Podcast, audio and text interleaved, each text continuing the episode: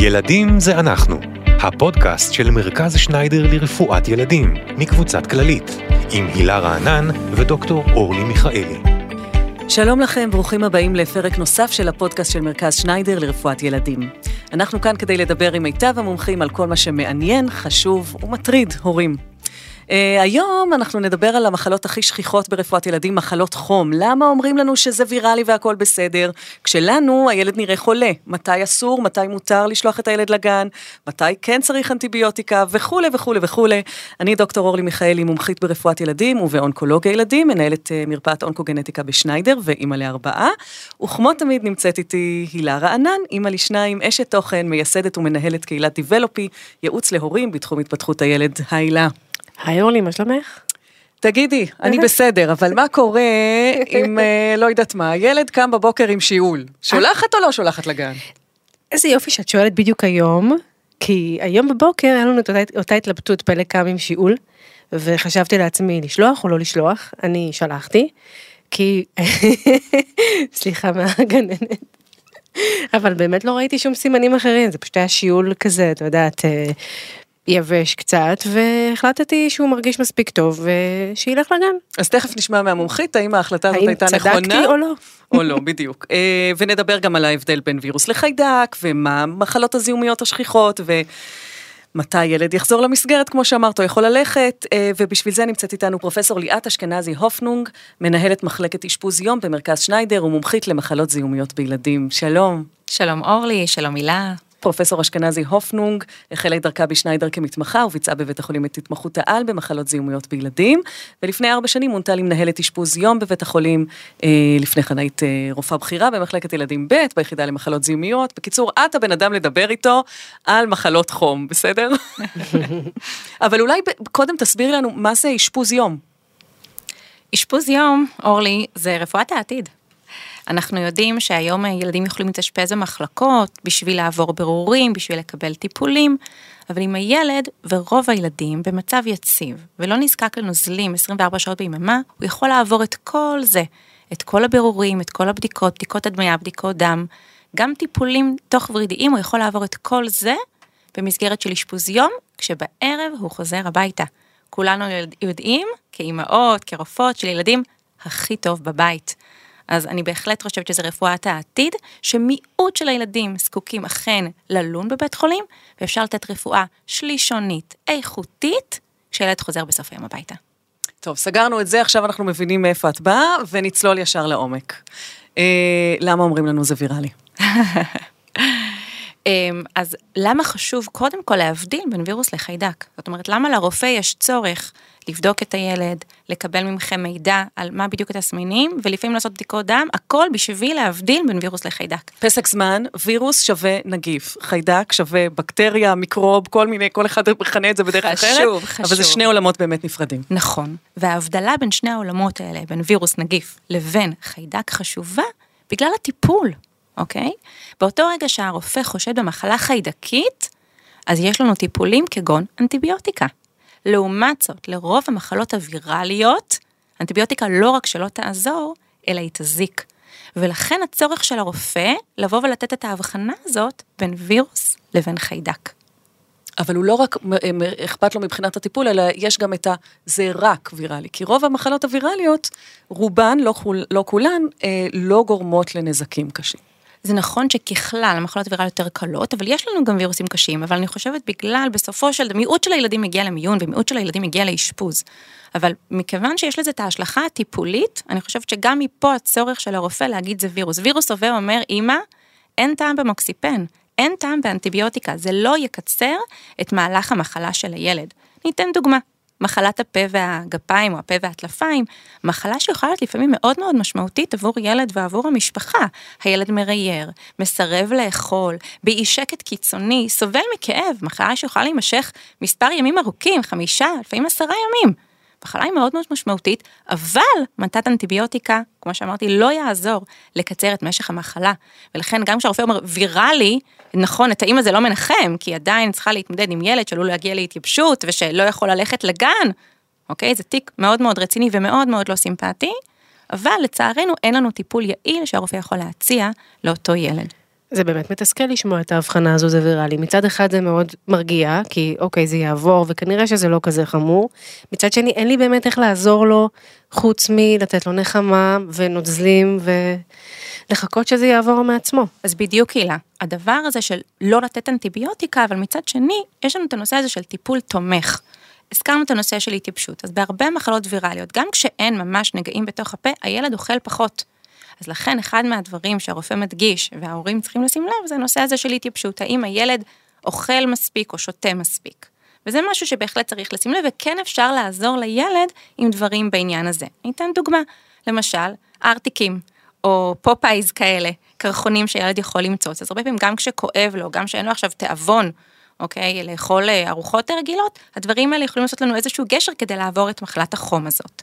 אמ, לפעמים אפשר לתת גם, זאת אומרת, פטל במזרקים, כמובן שום דבר אף פעם לא בכוח, אבל למנוע את ההתייבשות של הילד, אוקיי? בשביל שלא יצטרך לקבל נוזלים בווריד. אז הנושא של טיפול תומך, אחד, נוזלים, ושתיים, משככי כאבים. אם הילד כאוב, אנחנו בעד לתת לו משככי כאבים, מורידי חום, כדי שתוך כדי המחלה הוויראלית הזאת, הוא בכל אופן יעבור אותה יותר בנועם. את מזכירה משככי כאבים, וזה לוקח אותי לשאלה שעלתה בקהילה שאני מנהלת. אמ, אחת האימהות אמרה שהילד, אה, אמ, יש לו וירוס כבר די ארוך, שבעה ימים, וכמה זמן אפשר לתת משככי כאבים? היא נותנת לו באמת אה, כמה שהוא מבקש, כמה שהיא רואה שצריך, אבל האם יש איזשהו זמן מסוים שאת אומרת, אה, זה כבר מזיק? אז קודם כל, כל תרופה אנחנו צריכים לתת במינון המתאים, וזו נקודה נורא נורא חשובה. אה, אקמול, נורופן, אה, אופטלגין, אלה שלושת המורידי חום ומשככי הכאבים שאנחנו יכולים לתת אה, בעצם לילדים. דרך אגב, הילה, בעניין הזה אפשר לשחק איתם, זאת אומרת, אפשר לתת נורופן, ואם שעתיים אחר כך עולה החום, אפשר לתת אקמול. זאת אומרת, מותר לנו לשלב, לא צריך לחכות בין האקמול לבין הנורופן. חשוב שכן הילד לא יהיה מאוד מיובש, אנחנו יודעים שאם אנחנו נותנים משככי כאבים, מורידי חום, על ילד שלא אוכל שום דבר ולא שותה שום דבר, הנזק יכול להיות יותר גדול, אבל אם אנחנו עומדים במינונים המומלצים, להיזהר מנרות שלפעמים אנחנו צריכים קצת לעגל את המינון ואז זה לא מתאים לגמרי למשקל של ילד. אם אנחנו נותנים במינונים המומלצים, אז זה בסדר גם שבוע שלם לתת לילד את המורידי חום, אה, משככי כאבים, ואני בעד, אני בעד, כי באותו רגע שהילד יורד מחום של 39 ל-38, הרבה פעמים גם יאכל יותר טוב, הוא גם פחות ידאיג אותנו, והוא לא יהיה אפאתי. זה משהו שאנחנו רוצים, גם בשביל אפילו לאבחן את הילד, כי ילד חום גבוה שלא אוכל ונראה רע, יכול להיות שנעשה לו בדיקות, וילד שנראה טוב ואוכל, לא נעשה בדיקות, אז כך נימנע מהדבר הזה. מצד שני חייבים להגיד שילד שיש לו 38 משהו, והוא מרגיש מעולה, והוא אוכל מעולה, והוא נראה מצוין, הוא לא חייב מורידי חום. ודאי, ודאי. החום עצמו לא מסוכן. מעל שמונה וחצי אנחנו ממליצים להתחיל, וזה בהחלט תלוי במצב של הילד. אם הוא רץ בסלון עם החום, אז בהחלט אין סיבה לתת משהו שהוא מיותר. רק אם הוא סובל מאוד, וכמו שאמרנו, מסרב לאכול. אז דיברנו על זה שיש מחלה ויראלית ויש מחלה בקטריאלית או חיידקית, ובמחלה חיידקית כן מומלצת אנטיביוטיקה ברוב המקרים. אה, יכולה להרחיב על זה קצת? מתי ומתי לא? בהחלט. אז בואו ניקח משהו מאוד מאוד שכיח כמו דלקת גרון. אוקיי? אז דלקת גרון לפעמים היא ויראלית ולפעמים היא חיידקית. לא כל דלקות הגרון הן חיידקיות. וכאן מסר להורים, ככלל, ילדים מתחת לגיל שנתיים, דלקת גרון היא ויראלית. זאת אומרת, לילד מתחת לגיל שנתיים שיש לו תפליטים, שזה הפסים הלבנים שיש על השקדים, או אודם בלוע, אין טעם לקחת משטח גרון, ואין טעם לתת מוקסיפן. זה בראש ובראשונה מחלה ויראלית שתעבור מעצמה. לעומת זאת, בילדים גדולים יותר, מעל גיל שנתיים-שלוש, וקלאסי בגיל בית ספר יסודי, דלקת גרון היא בהחלט יכולה להיגרם מחיידק הסטרפטוקוק, שכולנו מכירים, ה strep group A, ואז מומלץ לתת טיפול במוקסיפן. לטיפול במוקסיפן יש כמה מטרות. אחת מהן לקצר את משך המחלה. אבל המטרה, בוא נגיד, החשובה יותר בעיניי, זה גם למנוע סיבוכים ארוכי טווח. אנחנו יודעים שהסטרפטוקוק, גם אחרי המחלה, שלושה שבועות לאחר מכן, יכול לגרום לתסמינים של פרקים, פגיעה בלב, מאוחרים. ולכן דווקא בסטרפטוקוק, ספציפית בגיל בית ספר, כמו שאמרתי, ילדים גדולים מגיל שנתיים-שלוש, חשוב לי לאבחן, חשוב לי לקחת משטח גרון ולטפל במידה וה strep group A, הסטרפטוקוק הזה, חוזר חיובי במשטח של הלואה. אה, בואי ניקח ככה את ההורים לתקופת הגן, לשנה הראשונה בגן. אני בטוחה שכל אימא ואבא יזדהו עם מה שאני עומדת להגיד, שהשנה הראשונה בגן היא רוב הזמן בבית. כמה זה נורמלי, מה אפשר להגיד להורים כדי להרגיע, והאם יש איזושהי דרך לעזור לילד אה, לחלות פחות או להתמודד עם העניין הזה? כן. אה, אז אנחנו עוד פעם רוצים להבדיל איזה מחלות עוברות על הילד. אם באמת אנחנו מדברים על וירוסים חוזרים, אוקיי? זאת אומרת, מחלה שכל פעם יש לנו איזשהו מקור לחום. פעם זה נזלת, ופעם זה שיעול קל, ופעם זה פריחה, ופעם זה האפטות והריור בפה, אוקיי? אלה מחלות שנראות כמחלות ויראליות, הילד לא נזקק לאשפוז, לא נזקק לאנטיביוטיקה בווריד, אז זה לא מחשיד לנו שיש כאן מערכת חיסון חלשה. אז בראש ובראשונה מחלות כאלה שחוזרות על עצמם הן נורמליות. מבחינה מספרית, הממוצע בשנה ראשונה של גן זה 12 מחלות חום, זאת אומרת לפחות אחת לחודש. אם זה הממוצע, אז ברור לכם שיש הורים שיכולים לחוות גם פי שתיים, ועדיין זה ייחשב נורמלי. אז אמנם זה מתסכל, אבל זה לא מדאיג, אוקיי? וזה לא דורש איזשהו בירור, לא צריך לפנות לרופא, אני רוצה עכשיו לברר אם מערכת חיסון חלשה, או אם יש איזושהי סיבה אחרת, למה הילד שלי חולה כל כך הרבה. שתי מחלות חום בחודש, כשיש מקור ברור לחום והוא נראה ויראלי, זה לא דבר מדאיג. הוא בעצם נחשף לכל מיני דברים חדשים בשנה הראשונה שלו לגן, וזה הדרך שלו לפתח נכון. מערכת חיסון. נכון, והשנה השנייה בגן כנראה תהיה קלה יותר, מכיוון שהוא מסמן וי, אוקיי? על, על, על, על הרבה מהווירוסים.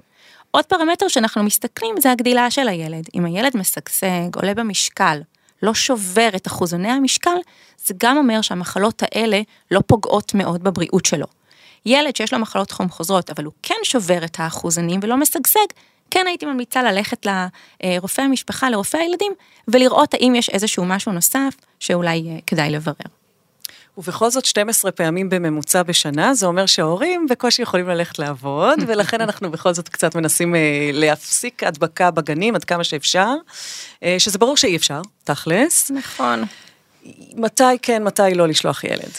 תראו, יש הנחיות ויש מסמך גם שדרך אגב עובר עכשיו רוויזיה על ידי האיגוד למחלות זיהומיות בילדים, אה, אבל ברור לכם שהרבה מהמחלות הווירליות מדבקות עוד לפני שהילד מפתח את כלל התסמינים, ולכן למנוע, כמו שאת אמרת, אורלי, את הדבר הזה, זה באמת גובל בבלתי אפשרי. ילדים בגן נוגעים אחד בשני, אמ, אה, ולכן המחלות האלה בהחלט יכולות להדביק אחד את השני, ועוד לפני שהילד מראה איזה שהם תסמינים. אז ככלל, כשיש חום, ההמלצה היא לא לשלוח לגן, אוקיי? וברגע שהחום פוסק, 24 שעות בלי חום אפשר לחזור לגן. לגבי שלשולים, ברגע שהילד מפסיק לשלשל, אז גם אפשר אה, לשלוח לגן, אבל היום הרוב הציבור כבר מכיר את הנושא הזה של PCR. PCR זה איזושהי בדיקה מולקולרית מאוד מאוד מאוד מאוד רגישה, שיכולים לאתר את הווירוסים בהפרשות של הגוף, אם זה בצואה, אם זה בדרכי האוויר הנשימה העליונות. ואנחנו יודעים שהווירוסים יכולים להמשיך להיות מופרשים. כנראה שככל שעובר זמן והילד הוא א-תסמיני, זאת אומרת החום חלף, שלשולים חלפו, הוא מפריש כמויות מאוד מאוד קטנות שכנראה ההדבקה היא נמוכה יותר. אז שוב, יש הנחיות ברורות, אבל לצמצם את ההדבקה לאפס זה כנראה יהיה בלתי אפשרי. אז 24 שעות בלי חום, הפסקת שלשולים, מה קורה עם אה, פריחות ודלקות עיניים? אז אה, דלקות עיניים, אה, עוד פעם, ברגע שמפרישה הפרש, אותה הפרשה מוגלתית נאמר שיש באיזושהי דלקת עיניים, ופריחות זה תלוי גם ב, ב, באיזה פריחה. אמ, למשל, אם יש נגעים, מה שנקרא אימפטיגו. אימפטיגו זה לא הפריחה הוויראלית הרגילה, אורלי. פריחה ויראלית רגילה זה הרבה פעמים איזושהי פריחה אמ, שאנחנו מתארים אותה כנעלמת בלחיצה. זה כלל אצבע מאוד נחמד להורים, פתח סוגריים. באותו רגע שלילד שלכם יש חום אבל יש פריחה, אם הפריחה, אתם לוחצים עליה, ובזמן לחץ הפריחה נעלמת, זו פריחה שהיא פחות מדאיגה אותנו. עוד פעם, אם הילד נראה לו טוב, מסרב לאכול, אפתי, תמיד כדאי לגשת לרופא, אבל אם הילד נראה מעולה, ויש חום ויש איזושהי פריחה שנעלמת בלחיצה, זה פחות מטריד אותנו. פריחות שלא נעלמות בלחיצה, אנחנו קצת יותר מוטרדים, זה יכול לכוון לכיוון החיידקי, ואז ההמלצה היא לגשת לרופא או למיון. אז אם יש לנו פריחה שנקראת אימפיטיגו, אימפיטיגו זה בדרך כלל לא פריחה מפושטת, בדרך כלל זה נגעים מקומיים, עם גלד שהוא בצבע דבש, זה יכול להעיד על, על פריחה שהיא כתוצאה מחיידק, למשל staph, או ה strep שהזכרנו קודם, ואז ההמלצה היא לכסות את הנגעים, ואז כן ניתן לפקוד אה, את הגן ברגע שהוא מקבל איזשהו טיפול. אז יש פריחות שאפשר לכסות אותם, וכן להגיע איתם לגן, אה, ויש פריחות שכן ההמלצה היא לחכות שהם יחלפו.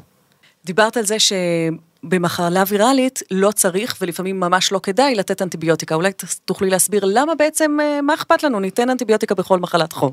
אנחנו מגלים יותר ויותר, עוד פעם, בזכות בדיקות אה, מעמיקות יותר שלא היינו מסוגלים לעשות בעבר, שיש לנו בגוף המון המון חיידקים, וחיידקים טובים. והחיידקים הטובים האלה עושים הרבה תהליכים ששומרים עלינו ומגנים עלינו בפני מחלות דלקתיות, אוטואימוניות.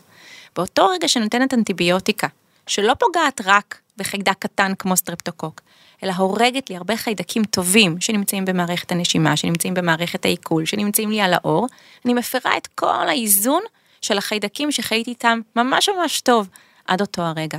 וההרג הזה של אותם חיידקים טובים, כמו שאמרתי, יכול להעלות את הסיכון למחלות דלקתיות. דלקתיות שאינן זיהומיות, שבהן הגוף וכן, תוקף את עצמו. כולל גם מחלות זיהומיות, זאת אומרת שלמשל חיידק הקלוסטרידיום שיכול להופיע בצואה כשאנחנו נותנים אה, הרבה זמן הרבה אנטיביוטיקה, כך שכל פעם שאנחנו נותנים אנטיביוטיקה, אם זה נצרך, אז כמובן זה נצרך, ואנחנו אה, נקבל את המחיר.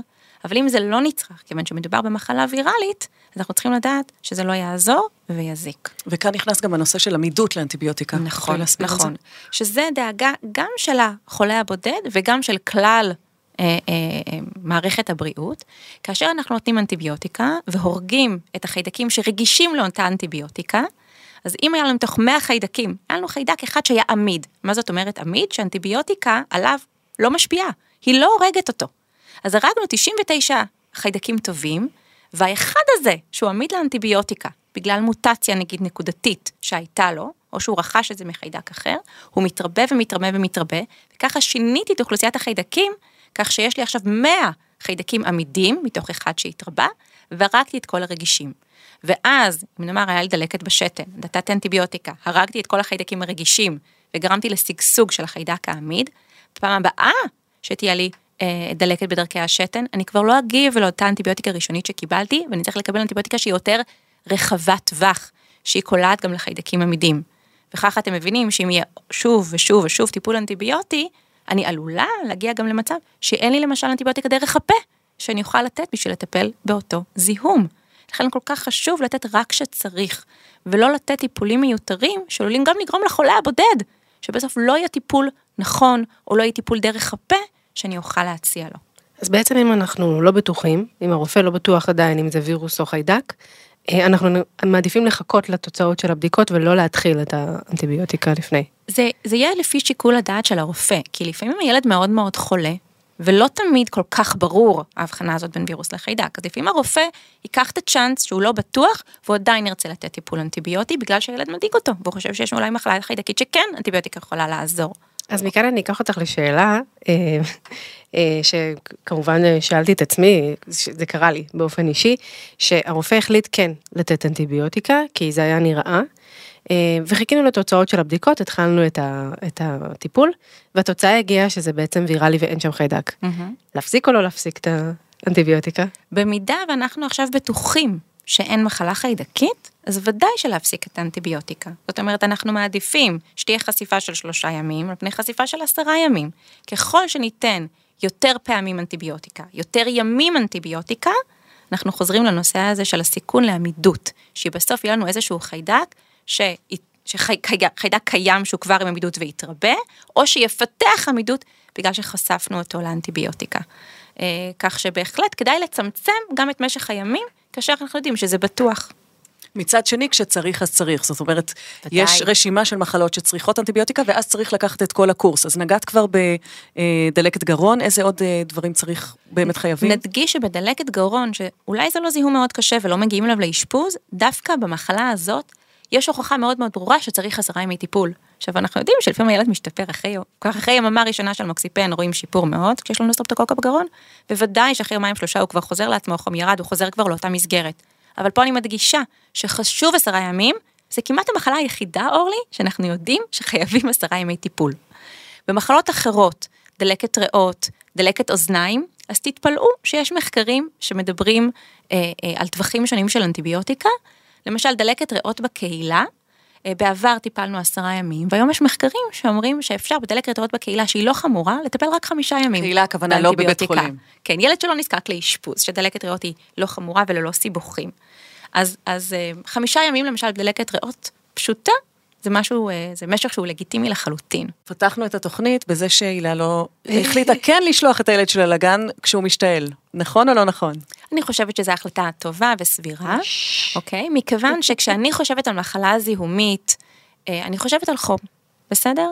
ושיעול יכול להיות מדרכי אוויר אה, כגון אסתמה, שאנחנו לא מאבחנים בגיל כל כך צעיר, אבל מתגובתיות יתר של דרכי האוויר. אה, יכול להיות סיבות אחרות, ואני לא אה, חושבת שרק על שיעול ללא חום, צריך להימנע מללכת אה, למסגרת. אני רוצה שנייה להעמיק בזה, כי אני בטוחה שגם יש לנו אה, אה, נשות חינוך ואנשי חינוך שמקשיבים לנו. הבן הגדול שלי שבאמת אה, היה מצונן, ואת יודעת, אה, ואחד הסימפטומים היה שיעול, והשיעול הזה נמשך איתו הרבה מאוד זמן אחרי. וכן הייתי מקבלת אה, טלפון מהגננת לבוא לקחת, למרות שאין חום, והכל בסדר, והיינו אצל הרופא, ותעזרי לנו להסביר גם לצד השני, לגננות, שהילד בסדר, וזה שיש שיעול, אמ, זה פשוט המשך, המשך של המחלה הוויראלית כן. שהייתה. את, את מתארת מהלך שהוא מהלך סביר, זאת אומרת, הרבה פעמים אחרי מחלה ויראלית של דרכי הנשימה העליונות, שיעול יכול להמשיך ויכול להמשיך הרבה הרבה זמן. אה, וזה לא סיבה אה, לא לפקוד גן. יש מחלות אה, שיעול והצטננויות יותר מסוכנות, למשל וירוס ה-RSV. וירוס ה-RSV זה אחד מהווירוסים, בסדר? בידיעה של רפואת הילדים. אמ, יש ממש בשורה בתחום הזה, זאת אומרת, ממש אחרי שנים שלא היה לנו הרבה מה להציע, כי טיפולים יעילים לווירוס ה-RSV אין, ואנחנו בעיקר חוזרים לטיפול התומך, אה, הילה שדיברנו עליו אה, בהתחלה, אבל עכשיו יש ממש בשורה בתחום של המניעה, זאת אומרת, לא בתחום של הטיפול, אין לנו טיפול חדשני להציע ל-RSV, אבל יש לנו אפשרות אולי בעתיד הקרוב למנוע.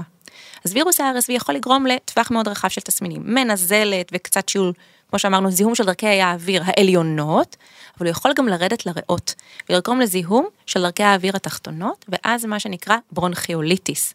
זה ילד שהוא בקוצר נשימה, אתם תראו שימוש בשרירי עזר, זאת אומרת כנפי האף עולים ויורדים, והשרירי הנשימה אה, מעל הצלעות עולים ויורדים, תראו שהוא מאוד מאוד מתאמץ, מתקשה לנשום, כשהרופא יאזין הוא ישמע צפצופים וקרפיטציות וחרחורים, תזמורת שלמה מעל הריאות.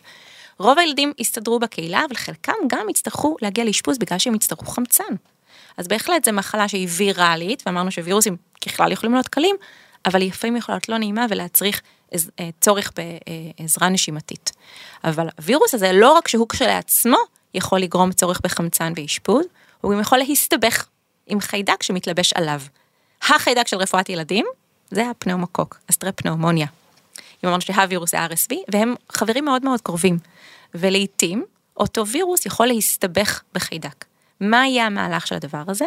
ילד שיש לו חום, ובהתחלה אמרנו שיעול ונזלת, והוא ממשיך עם איזושהי מאכל ואחר כך מתחיל להשתפר, ואז יש איזושהי החמרה, החום קופץ, או יש איזושהי החמרה אה, בתסמינים שלו, אז לפעמים אנחנו חושדים שיש חיידק שהוא סיבוך של אותו וירוס ראשוני.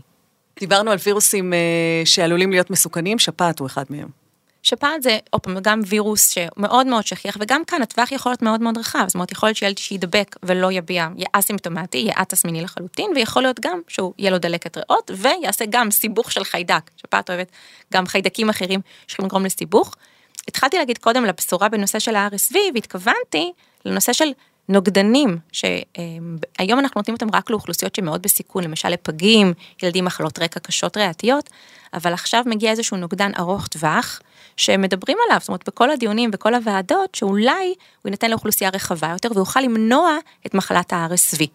נזכרתי לחזור אחורה בגלל הנושא של שפעת, שגם שם יש לנו חיסון. החיסון לשפעת הוא ככל הנראה לא יהיה, הוא לא יעיל כמו הנוגדנים שאני מדברת עליהם ל-RSV, אבל כן אנחנו יודעים ש-30 אחוז אנחנו כן יכולים אה, להוריד אה, ולשפר את המחלה, כך שזה משהו שניתן לעשות, כי הרי אמרנו, למנוע הדבקה לגמרי בשפעת זה משהו שהוא קשה.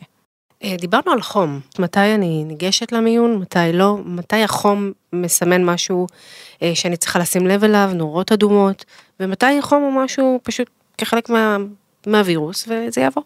אז הזכרתי קודם כל את הפריחה שלא נעלמת בלחיצה. אם אנחנו מעבירים את היד על הפריחה והיא לא נעלמת, זה עלול לכוון לאיזושהי מחלה חיידקית, ואז אני ממליצה אה, לגשת לעזרה רפואית.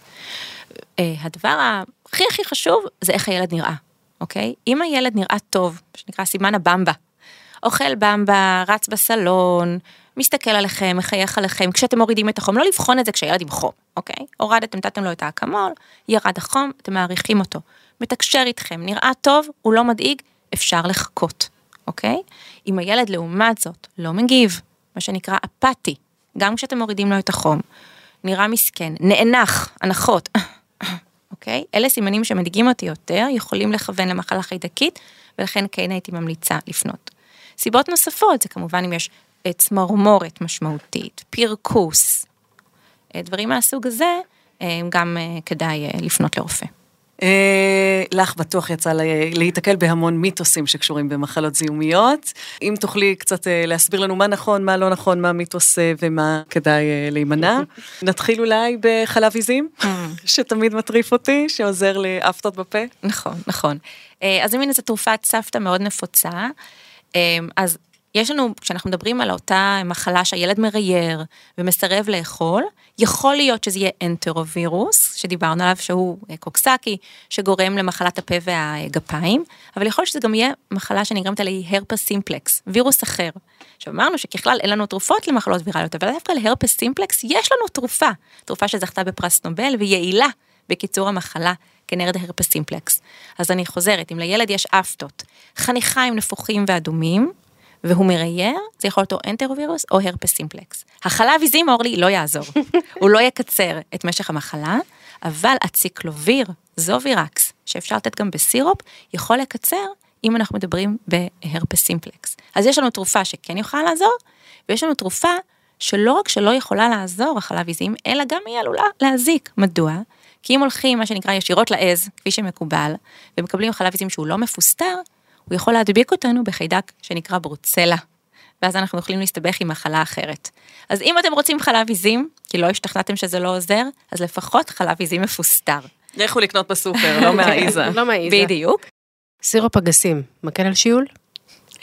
אמ, לא, לא מכירה מחקר שהשווה סירופ אגסים לילדים שלא קיבלו סירופ אגסים. זה הדרך להוכיח שהתרופה היא יעילה, אם אתה לוקח שתי זרועות, לקבוצה אחת נותן, לקבוצה אחת לא נותן, ורואה שמי שקיבל אכן היה עם תוצאים טובים יותר. אז לא נעשה מחקר מבוקר, זה לא הוכח כמשהו שהוא עוזר, לתת לשיעול לעבור מעצמו, להיות רגועים, לשלוח לגן. אז רגע, אז. אנחנו נוגעות בעוד מיתוס שאולי הוא לא מיתוס, לא צריך אה, להילחם בשיעול בילדים, לא צריך לתת תרופות. זה נכון שלא צריך להילחם, עוד פעם, הזכרנו ששיעול יכול להיות מחלה ויראלית של דרכי הנשימה העליונות, ואז לא צריך להילחם, יעבור לבד. אני כן מזכירה ששיעול, בעיקר שיעול לילי, יכול בכלל תסמין של סוג של אסתמה, של תגובתיות יתר של דרכי האוויר. יש לנו טיפול נהדר לתגובתיות הזאת, יש משאפים, אינלציות, אוקיי, שאפשר בהחלט לעזור לילד. אז אם זה שיעול כרוני, ויש גם איזשהו קוצר נשימה, אם הרופא שומע צפצופים על הריאות, אז אנחנו הולכים למחלה שיש לה טיפול, ואת זה אפשר אולי לעזור בשביל לבוא ולקצר את זה. אבל אני שנייה מתעכבת על העניין של השיעול. סירופ שיעול, במקרה הזה, שזה לא כרוני, וזה משהו שהוא ממש אה, נראה לי עניין של כמה ימים. לרוץ לתת סירופ? ממש לא, לרוץ בוודאי שלא. אה, אנחנו יודעים, וזה מאוד מאוד מעניין, שאימהות, אבות, כשהם יוצאים מהרופא והם קיבלו מרשם לתרופה, הם יותר מרוצים. זה אחת מהסיבות לפעמים שאולי נותנים אנטיביוטיקה שלעיתים אולי מיותרת. אז לפעמים גם לרופא יש איזשהו צורך לעזור עם מרשם, גם להורה יש איזשהו צורך לקבל מרשם ולתת איזושהי תרופה, אבל זה לא בגלל שהדברים האלה הוכחו כיעילים. הסירופים של השיעול לא הוכחו כיעילים, יש גם תופעות לוואי לכל תרופה שאנחנו נותנים. אני לילדים שלי לא נתתי מעולם סירופ של שיעול, אני מבינה לפעמים את הצורך שלנו להיות אקטיביים, כן. אבל זה לאו דווקא בגלל שזה יעיל. גזור ושמור זה היה. זה היה גזור ושמור. דבש, עוד Hmm. מיתוס. אז דבש יש לו המון סגולות, כשבאו וחקרו אותו וחקרו את הדבש, ראו שיש לו אה, מרכיבים אנטי אה, אה, זיהומיים, אוקיי? זה מרתק. אתן לכם דוגמה מתי דבש יכול לעזור, שיש לנו לפעמים פצעים, נכון, זה פחות אה, קשור לקהילה ויותר קרה לילדי בית חולים, יש לנו פצעים שלא נרפאים ושאנטיביוטיקות מקומיות לא עוזרות לנו כדי שהפצע יתאחה וייסגר, אז דבש יכול לעזור לנו. אבל אם אנחנו ניתן דבש, עוד פעם, לווירוס של דרכי הנשימה, זה לא הוכח כמקצר את משך המחלה. צבעים של נזלת, האם הם אומרים משהו או לא? אני חושבת על, יש לי כל כך הרבה מיתוסים, לא, זה כאילו. ממש מעניין. כן. כן. אז הנושא, הרי מתי אנחנו מדברים על צבעים של נזלת? בהקשר כן או לא של סינוסיטיס, אוקיי? שזה בעצם חללים שנמצאים בפנים ויכולים להזדהם עם חיידק. אז אנחנו צריכים להבדיל פה בין ילדים צעירים לילדים מבוגרים. ילדים מתחת לגיל 6 שנים, רוב הסינוסים שלהם בכלל לא התפתחו, אין להם את אותם חללים של אוויר, ולכן הם לא יכולים לעשות את המחלה שנקראת סינוסיטיס. ולכן לדבר על צבע הנזלת פחות רלוונטי. כן אני אגיד שבמתבגרים, שיש נזלת ממושכת מעל חמישה ימים, כאבי ראש שמחמירים בשינוי תנוחה, למשל אתה מוריד את הראש קדימה וכאב הראש שלך מחמיר, אז יכול להיות סינוסיטיס, ואז יכול להיות שיש מקום לתת להם אנטיביוטיקה כדי לטפל בהם. אבל שוב, בילדים צעירים, הגוון של הנזלת הוא לא זה שיגרום לי לתת אנטיביוטיקה כדי לטפל בזיהום חיידקי. אז לשאלה היותר שכיחה, גוון השלשול. תמיד אני אומרת, יש כמה צבעים של שלשול שאנחנו לא אוהבים. אחד זה דם, אוקיי? לא חום כהה, לא אה, דם, אוקיי? וצואה שהיא ללא צבע. זאת אומרת, בתינוקות מאוד מאוד צעירים, יש לנו מה שנקרא צואה אכולית, צואה לבנה, זה לא קשור למחלה זיהומית בדרך כלל, אה, אבל זה יכול להיקשר לבעיות כבדיות.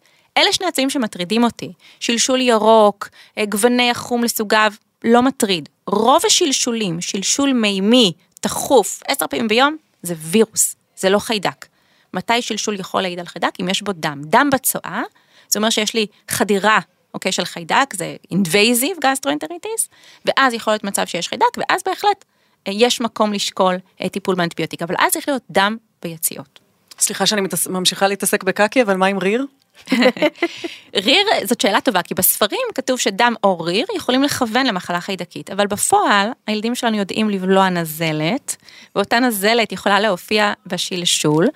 ולכן ריר זה לא משהו שמבדיל בין וירוס לחיידק. הפודקאסט הזה מגיע לדברים חדשים. אה, זה היום יום שלנו, אוקיי? זה נכון. היום יום שלנו, נזלת, ילדים, פריחות, חום. חיזוק המערכת החיסונית. גם אם הילד לא חולה, איך אני יכולה לחזק את המערכת החיסונית של התינוק? תוספי תזונה למשל, או ויטמין C. אה, נכון או לא נכון? לחזק או לא? אז אני חוזרת, כשאנחנו מדברים היום על רפואה שהיא מוכחת, או evidence based, אז זה אומר שהיה מחקר שחילק את הילדים לשתי קבוצות. לקבוצה אחת נתן ויטמין C, לקבוצה אחרת לא נתן ויטמין C, ובקבוצה שקיבלו היו פחות זיהומים. אין מחקר כזה, הילה. לא הוכיחו שמתן של ויטמין C מוריד את השכיחות של זיהומים, לא ויראליים ולא חיידקיים. ודאי שילד שאוכל מגוון של מזונות, אוקיי, ופעיל, זה, זה, זה בריאות, זאת אומרת, זה דבר טוב לאכול מגוון של מאכלים, אבל לא הוכיחו שחסר של ויטמין C, או מתן כמובן, של אקסטרה ויטמין C, זה משהו שהוא משפר את התפקוד של מערכת החיסון. ועכשיו שאלה לכל הסבתות. האם כשילד יוצא עם שיער רטוב במזג אוויר טיפה קריר, זה מסכן אותו או לא?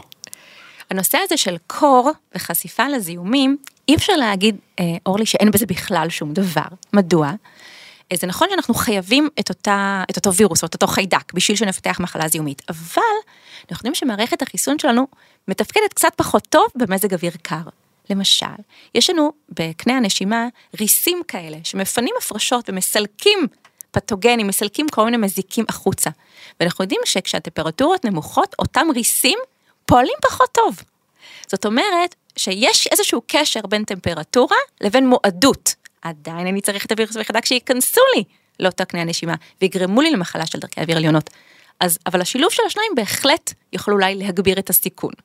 אז כשסבתא רודפת אחרי הנכד שלה שינעל נעליים ולא ילך יחף, אני לא חושבת שאם הוא הולך יחף ובלי נעלי בית, בית הוא בדיוק מוריד את הטמפרטורה של הגוף שלו, לכן אני לא חושבת שזה גורם ממש למועדות אה, לחלות, אבל ככלל בחורף יש כנראה איזשהו מועדות, דיברנו על שפעת, דיברנו על הרסבי, על מחלות חורף בעיקרן, וכנראה זה קשור לתפקוד של אותם אה, ריסים קטנים. לעומת זאת כן יעזור קצת לפתוח את החלון, כדי שהווירוסים נכון שמשתוללים מאוד. בגלל בני אדם שהביאו אותם, נכון, יוכלו נכון. Uh, לצאת החוצה. זאת נקודה מאוד נכון. חשובה. כן, עברור. כן, לגמרי. מחלת הנשיקה, מסוכן, לא מסוכן? יש מחלות שיכולות להופיע גם בילדים וגם במבוגרים, והן שונות בחומרה שלהם.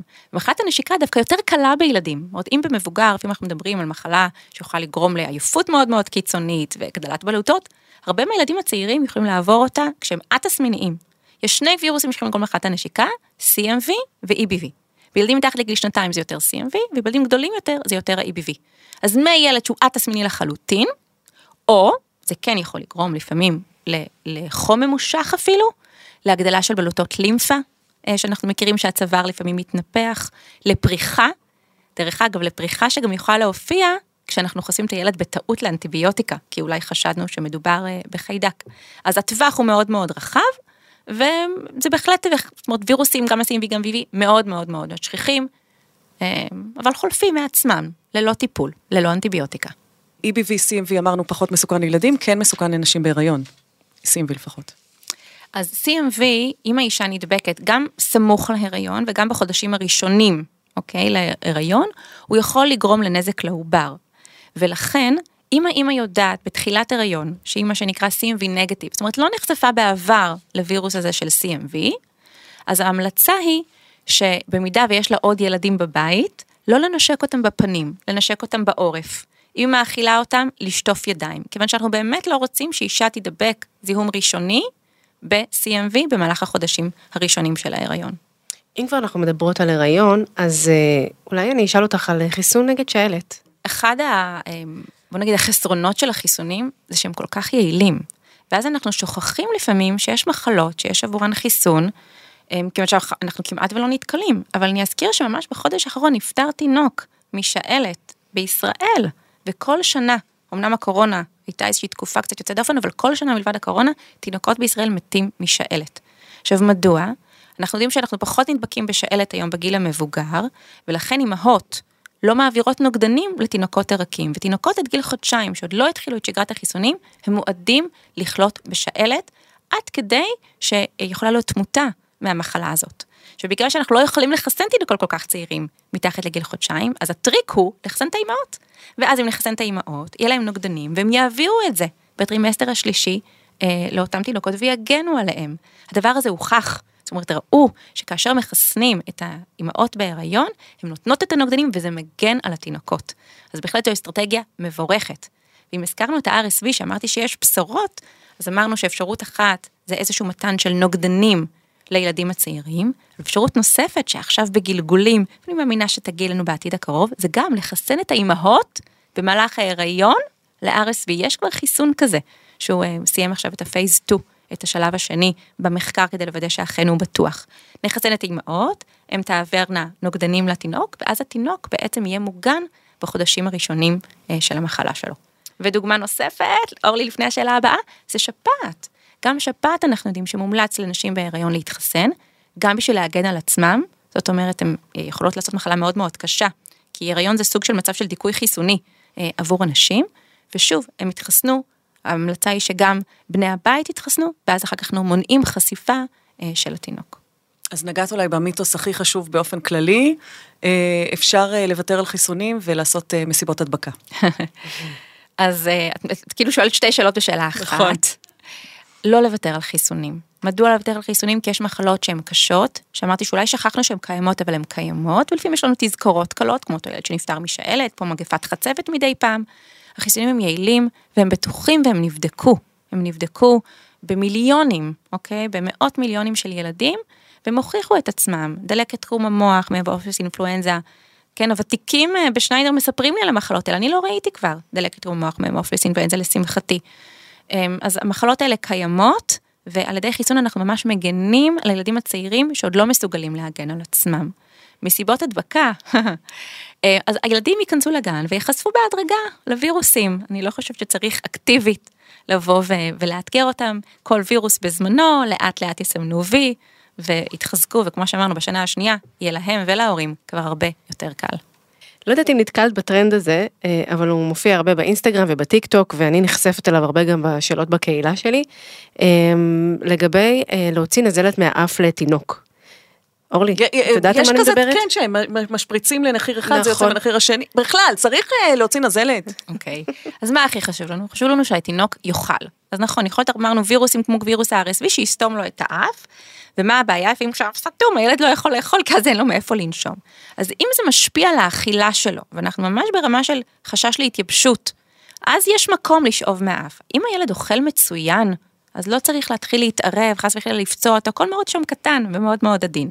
אז אם הילד יש לו קושי לאכול בגלל שהאף סתום, אז יש דרך אגב פומפאים כאלה קטנים שאפשר איתם לשאוב הפרשות, וכן אפשר לטפטף טיפות של מי מלח בשביל להגביר את, ה, את ההוצאה. זה משהו שאפשר לעשות, אבל מדברת... רק במידה ובאמת קשה לו אה, לאכול. אבל אנחנו מדברות על משהו אחר, אנחנו מדברות על ממש אה, לקחת מים עם מלח וללחוץ על הבקבוק בעוצמה, ואז לא. המים יוצאים מהצד השני. אנחנו לא, כן, כן, כן פחות, פחות, פחות, פחות. כן, אנחנו לא רוצים, עוד פעם, אמרתי, הכל שם עדין, הכל מאוד מאוד קטן. אנחנו נעשה התערבויות קטנות, עדינות, לא לפצוע חס וחלילה, לא לגרום לנו סיבוכים, חבל. קיבלנו אישור לפומפה עדינה, גם זה משהו. כן, כן. גם משהו. אז רגע לפני שנסיים, אורלי, תעשי לנו סדר קצת בכל מה שלמדנו בפרק. כמה דגשים, המלצות, סימנים שכדאי לשים אליהם לב. הגזמת קצת עם כל מה שלמדנו בפרק, כי למדנו המון, אבל uh, בעצם למדנו שרוב מחלות החום הן ויראליות ולא חיידקיות, ולכן הן בדרך כלל לא דורשות טיפול uh, ייעודי, אלא טיפול תומך, לא אנטיביוטיקה, אלא עזרה בשתייה של הילד וכולי. זה נורמלי שיש מחלות חום, אמרנו בשנה הראשונה לגן, 12 זה הממוצע, אז תחשבו כמה אפשר. Uh, דיברנו על זה שמותר לחזור לגן אם הילד uh, כבר 24 שעות ללא חום, ואם הוא לא משלשל, אבל שכן חייבים לפנות uh, לעזרה רפואית במצבים בהם הילד uh, אפאתי, כלומר פחות מגיב, מדברים איתו והוא לא יוצר קשר, אם יש סימני התייבשות כמו מעט פיפי, אין דמעות, כאלה דברים, uh, אם יש לו פריחה שלא נעלמת בלחיצה, uh, אם הוא מצטמרר, בקיצור יש דברים שבאמת צריך לדאוג מהם, אבל ברוב הפעמים חום הוא לא סיבה לטיפול רפואי דחוף. אז אנחנו סיימנו להפעם, תודה רבה לפרופסור ליאת אשכנזי הופנונג, מנהלת מחלקת אשפוז יום במרכז שניידר ומומחית למחלות זיהומיות בילדים. תודה שהצטרפת אלינו לפרק הזה. תודה לכם. תודה לך, אורלי. תודה לך הילה ותודה לכם שהאזנתם, אתם מוזמנים אה, להאזין לפרקים הנוספים בספוטיפיי ובכל אפליקציות הפודקאסטים המובילות. אנחנו ניפגש בפרק הבא.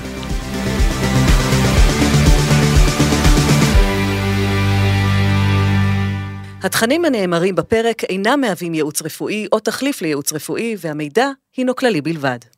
הוקלט באולפני אדיו, המשווקת את ספוטיפיי בישראל.